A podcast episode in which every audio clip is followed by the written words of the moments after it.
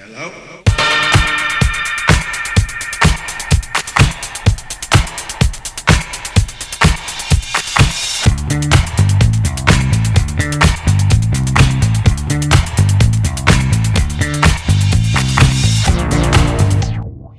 Välkomna tillbaka till Kreatörpodden. Eh, vi sitter fortfarande här och pratar med Niklas Hermansson som står bakom nyhetsprogrammet NomoFomo och även kan höras och ses ibland som Framtidsmannen, bland annat i SVTs Morgonsoffan och i The Daily Messiah. Kul att du eh, sitter här fortfarande och inte har dragit härifrån. En månad senare. Ja, en månad Ja, senare. jag kommer tillbaks. Men Ja. vi kommer ju från samma ställe, så att, herregud. Eh, Vi sitter här och tjötar i eh, Voids eminenta studio som vi har fått låna och eh, vi tänkte köra några vi skrev några snabba, vi vet ju inte. Det kanske, vi kanske fastnar i ett så rabbit hole och så blir det en topic. Det blir en snabb. Men vi skrev upp några. Liksom, I och med att vi då har Framtidsmannen här så måste vi ju eh, passa på. Och, och jag upplever att en hel del saker som sker i framtiden ser vi nu. Men vi kanske inte inser att det är framtiden vi ser. Eh, och en sån grej som vi skrev upp och funderade på det är det här med VTuber, alltså en- virtuell YouTuber. Eh, det finns, eh, nu tappar jag naturligtvis namnet på den här japanska, någonting AI, som är... Är det tjejen där? Ja. La Princess. Jag kommer inte ihåg vad den heter på japanska riktigt. Nej. La, Pin, La Princess. Är det, är det någonting tillfälligt vi ser, någonting kul eller är det framtiden vi ser? Alltså, det är, för det första, så här, är det kul? Ja, ibland är det kul, men det kan också vara ganska läskigt. När, eh, när Johnny Depp och eh, Amber Heard-rättegången eh, var, då var det ju också just eh, VTubers som kommenterade rättegången och många unga valde att titta på det då istället för på en annan kanal. Så att eh, jag tittar på de där innovationerna med de ögonen också. Eh, men jag tror väl så här, det finns inte så många idag, eh, VTubers. Det är ganska dyrt fortfarande att göra det. Kommer såklart bli mycket billigare i framtiden. Hälften av alla i världen idag spelar typ tv-spel, så vi bryr oss inte så mycket om ifall vi är på riktigt eller inte. Vi är så van med att saker är fake. När eh, man tittar på undersökningar så visar det sig att vi faktiskt tror ännu, vi har ännu större förtroende för syntetiska ansikten som är framtagna med artificiell intelligens. De här VTubersarna ser inte ut så än, Nej. men vänta bara tills de är det. Jag säger 100% att de kommer finnas. Jag tror de kommer se mycket mer eh, liksom, riktiga ut. Programledare kommer inte finnas, eh, så att eh, full fart om tio år kanske. Nu ska jag försöka segwaya en, en, en, in i ett annat eh, ämne. Jag tror det kan gå. Kan, kan vi inte slänga på lite Okej. mer på den? För Det, det här är så intressant nämligen. Det, det här öppnar ju moraliska utmaningar. Alltså vi var inne på, i förra avsnittet om, om lite moralutmaningar. Eh. Men jag kommer ihåg, var det inte Isabella Löwengrip som gjorde en sån, en assistent som skulle hjälpa henne i sociala kanaler och, och byggde upp henne. Och sen kidnappade ju Alex och Sigge hennes luftrum genom att göra en pundare som flyttar in granne med henne. Och det, här är ju, det här är så intressant, va? därför att luften är ju fri och om du har räckvidd bägge två så blir ju effekten av det där blir då att hennes fantastiska varumärkesstarka tjej då, som bodde i New York och hade världens storytelling gick ju parallellt då med deras pundare som också bodde granne trappuppgången med henne och, och liksom runt det. Och du pratade om det här att om tio år då så finns det personer, eller så har vi eh, fiktiva, ja, då sitter inte vi tre här. Nej, nej. Och du föreläser just nu på fem ställen. Ja, exakt. Rimligtvis. Ja. Eh, Men om du inte sitter här då, Mm. då kan du ju vara kidnappad också. Alltså det är hur Ja. fan skyddar man sig själv när man själv kan existera i en annan värld? Det här låter väldigt komplext, men om du förstår min komplex. Ja, och det är också alltid den tråkigaste frågan som man får, det för att det är den svåraste frågan. Det är så här som, som, jag är ingen futurist, men jag kurerar futurister. Så att jag läser vad de säger och försöker bilda min bild. Det svåraste, och de också tycker att svara på, det är säkerhetsaspekterna och hållbarhet när det kommer till, eh, till framtiden. Och det här är ju exakt rakt in i, i begränsar. Det begränsar tanken och därför tycker vi ofta kreatörer att det är tråkigt att bli begränsad, herregud. Men Isabella, det är inte synd om henne för att de lever, har ju helt parallella olika världar också. Deras fans kommer ju, liksom, touchar inte med varandra så de vet inte om att det här händer här borta. Nej. Ja, Det, det, jag, tror, jag tror hon tog bort den här, för jag tror Alex och Sigges fans var ganska engagerade i att föra ihop de två. De hoppade in i, det, i den det här världen. var några år sedan. Jag kan rekommendera er att lyssna på det med Alex och Sigge. där. Det var ju väldigt intressant på ämnet. Då. Men, ja.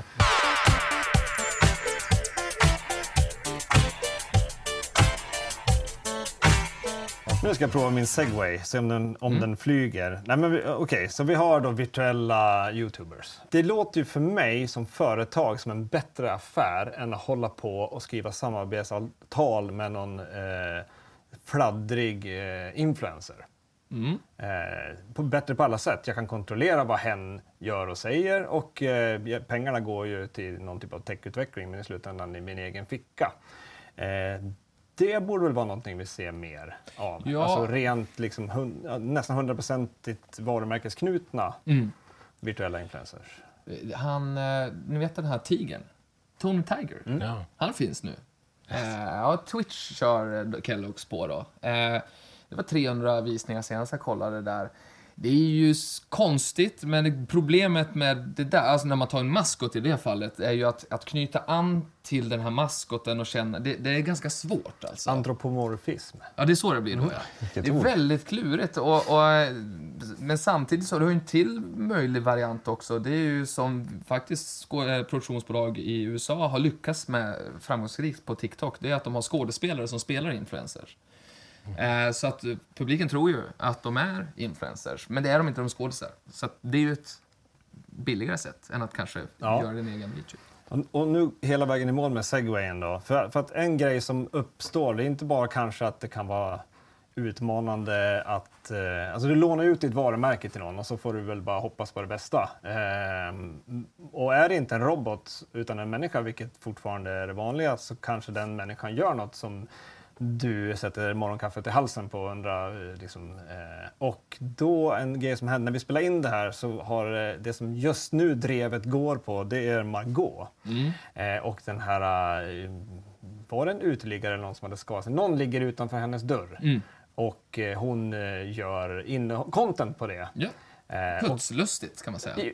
det, det, var en bra sammanfattning. verkligen. Det var putslustigt eh, och det blev ett himla liv, eller är fortfarande. För att komma i mål, då, då har vi gått från någon virtuell till en människa och problematiken med det. Och då tänker jag att vi ska landa ner i plattformens ansvar. Mm, just det. Plattformens ansvar. Alltså, jag tänker så här att eh, i, i, det, det första jag vill bara kommentera var, var, varför det här tror jag kommer vara en lite mindre fråga i, i framtiden. Det är ju därför att det här med influencers eh, kommer inte att finnas kvar alls på det sättet som det är idag. Därför att det här är en tydlig barnsjukdom. Alltså internet, vi är den första generationen som lever med internet. Vi har funnits i 500 generationer. Det här är den första. Allt vi gör är ganska dåligt och, och vi, vi tycker själva att vi är briljanta, men vi kommer att bli skrattade åt i framtiden. Influencerkulturen är en tydlig sån och det är, är, är övertygad om att företag snart kommer att sluta. En, en försök på parallell på det. Eh, när Robinson drog igång så blev varenda person som var med i säsongerna, även Farmen i början, då var det Robinson-Robban och det var Farmen Kristina och så vidare. Idag så får ingen ett prefix som är med i en realityserie. Eh, då tänker jag att om det är så att vi kommer alla vara influencers, så det kommer inte vara något konstigt att broadcasta sitt liv och publiceras. Är det något sånt? Det är, inte, det är inte det jag tänker, eller hur tänker du nu? Ja, men jag tänker, när du säger, det kommer inte finnas influencers. Är det, är det för att Ja, jag fattar. Det, blir, det kommer inte vara ett fenomen för att vi är alla någon slags broadcasters. Eller är det för att vi kommer fatta att det här är skitdumt och sluta med det? Men jag, tror, jag, så här, jag tror säkert att det kommer finnas influencers, men jag tror snarare att det, det, är- de kommer att försvinna därför att pengarna kommer inte finnas där. För jag tror inte att eh, jag, så här, de, de tjänar pengar på sponssamarbeten till största eh, delen. Och eh, jag tror att vi kommer att börja se igenom det där, vi kommer att hitta nya sätt och företagen kommer att förstå att det, här är inte hållbart. Det finns andra sätt att nå räckvidd på än med en influencer som uppenbarligen inte tror på den här saken eh, och inte kan liksom ligga i linje med varumärket någonstans egentligen, utan det är bara en annons, alltså en, en, eh, en billboard. Vad det är. Alla kommer att bli mediehus i framtiden. Det är jag helt övertygad om. Absolut. Men varför det kommer att sluta och vara så att företagen betalar eh, influencers, det är därför att vi kommer att få bättre alternativ. Eh, därför att det här var ju liksom det första, oh, det finns räckvidd här borta som är billigare än traditionella medier som tar betalt för att de är ansvariga utgivare och så vidare. Klart vi hoppar på det, men det kommer att finnas andra saker.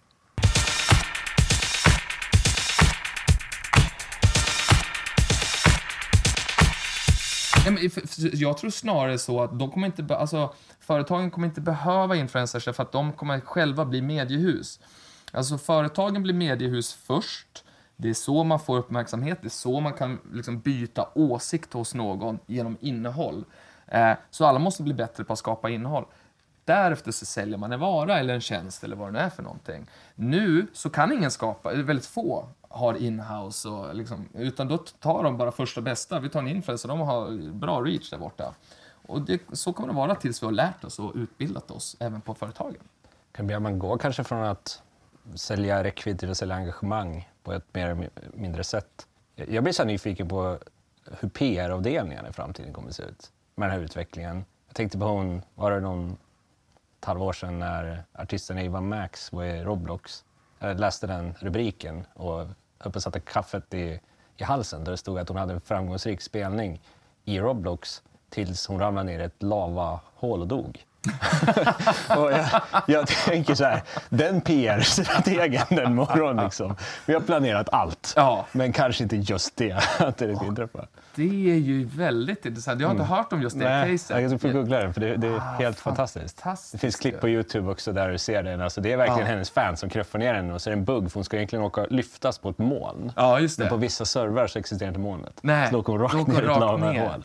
Eh, Eller så bara är de så jävla kvicktänkta att de, de bara boostar det här och ser enorma worldwide räckvidden. Ja. För det, man hade kunnat tänka att det här var medvetet, var någon listig, men det är verkligen en bugg som gör det. Men det blir en otrolig nyhet i det.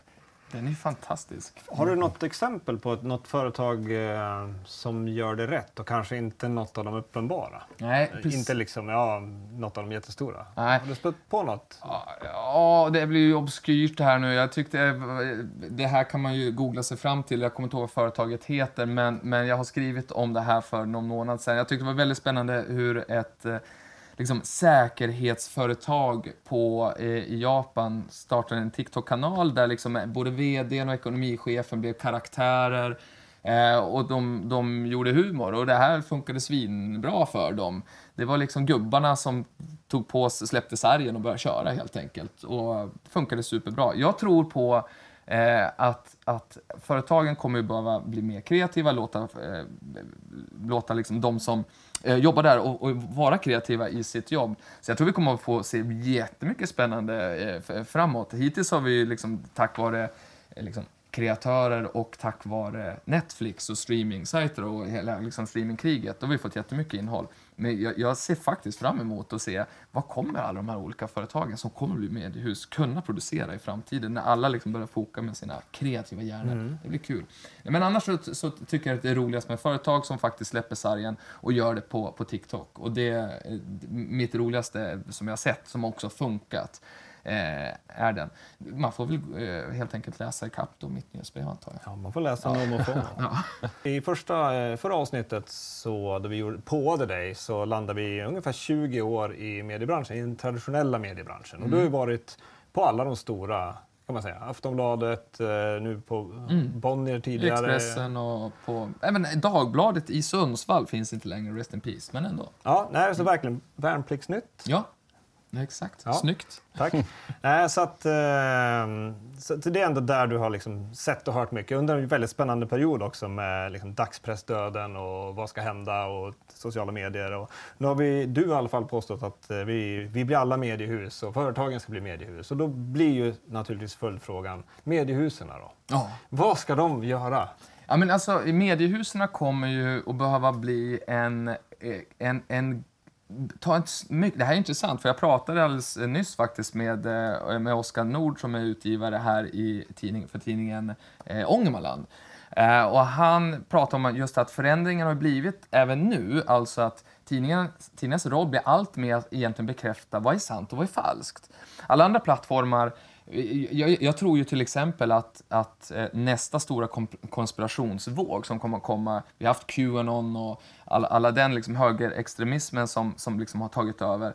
Nästa tror jag att eh, alla techbros kommer att säga att hej, vi lever i en simulation, de gör det redan, men att allt fler kommer att göra det och att allt fler kommer liksom att säga att det finns inget rätt och fel. Och där tror jag att de de liksom traditionella medierna kommer att få ett allt viktigare, eh, viktigare roll och därför tror jag också att sådana medier som SVT och TV4 och så. Därför måste de fortsatt hålla i eh, också nyhets... Eh, ja, avdelningar som de har. Jag kan uppleva att, att där blir det krock med affärsmodellen. Eh, Så här, färskt exempel nu, det har ju varit val i år i Sverige. Och då, det man vill göra då är att göra lite olika valbarometrar och sådär. Och då tittade jag efter de, liksom, de stora, tunga eh, mediekällorna där det också fanns väldigt mycket content. Eh, vidimerat av ansvariga utgivare och utbildade journalister. Jag var väldigt mycket, här, det var väldigt lite content jag kunde nå. Mm, ja. Däremot, eh, det dåliga content, eller det icke-vidimerade content, det fanns det ju hur mycket som helst. Mm, Det måste vara en utmaning om det nya uppdraget är att hjälpa folk hitta rätt. Att man har låst in det. ja, exakt. Ja, men verkligen. Får man en Så är det ju. 16-åring att liksom öppna plånboken och teckna en månad eh, för att läsa en artikel om... Nej, nej, men, nej men så är det ju. Och, och det, tidningarna kämpar ju på nu med att, och har gjort det i, i liksom fem, tio år, med att okej, hur kan vi vända på det här? Eller snarare kanske fem år faktiskt bara ju. Eh, men, men hur kan vi gå från en annonsaffär till en prenumerationsaffär? Och det där är ju samma sak som kreatörerna får brottas med hela tiden också. Okej, ska jag satsa på en prenumerationsaffär eller ska jag satsa på, eh, på en annonsaffär? Så att någonstans från traditionella medierna och kreatörerna står på samma sten just nu eh, och, och, och testar eh, sig fram. Nej men just det, jag har ju ingen koll på tiden, men sen kommer jag ha, du kanske har koll på Jag har tiden. satt ett alarm. Ja, du har koll på, bra, Så då behöver inte jag tänka Klockan på är detta. i två nu. Fem i. Oh, just det. Och den, Mitt går, alarm har inte ringt. den går ju om, om, om sex minuter. Ja, så att, Ja, eh, 13. tack och bock. Jaha, gör den det? Ja, men men då vi, måste vi vi- hinner. Ta Nej, på dig jackan. Ta på dig jackan. hej då. Ja, ni hinner. Det är 06.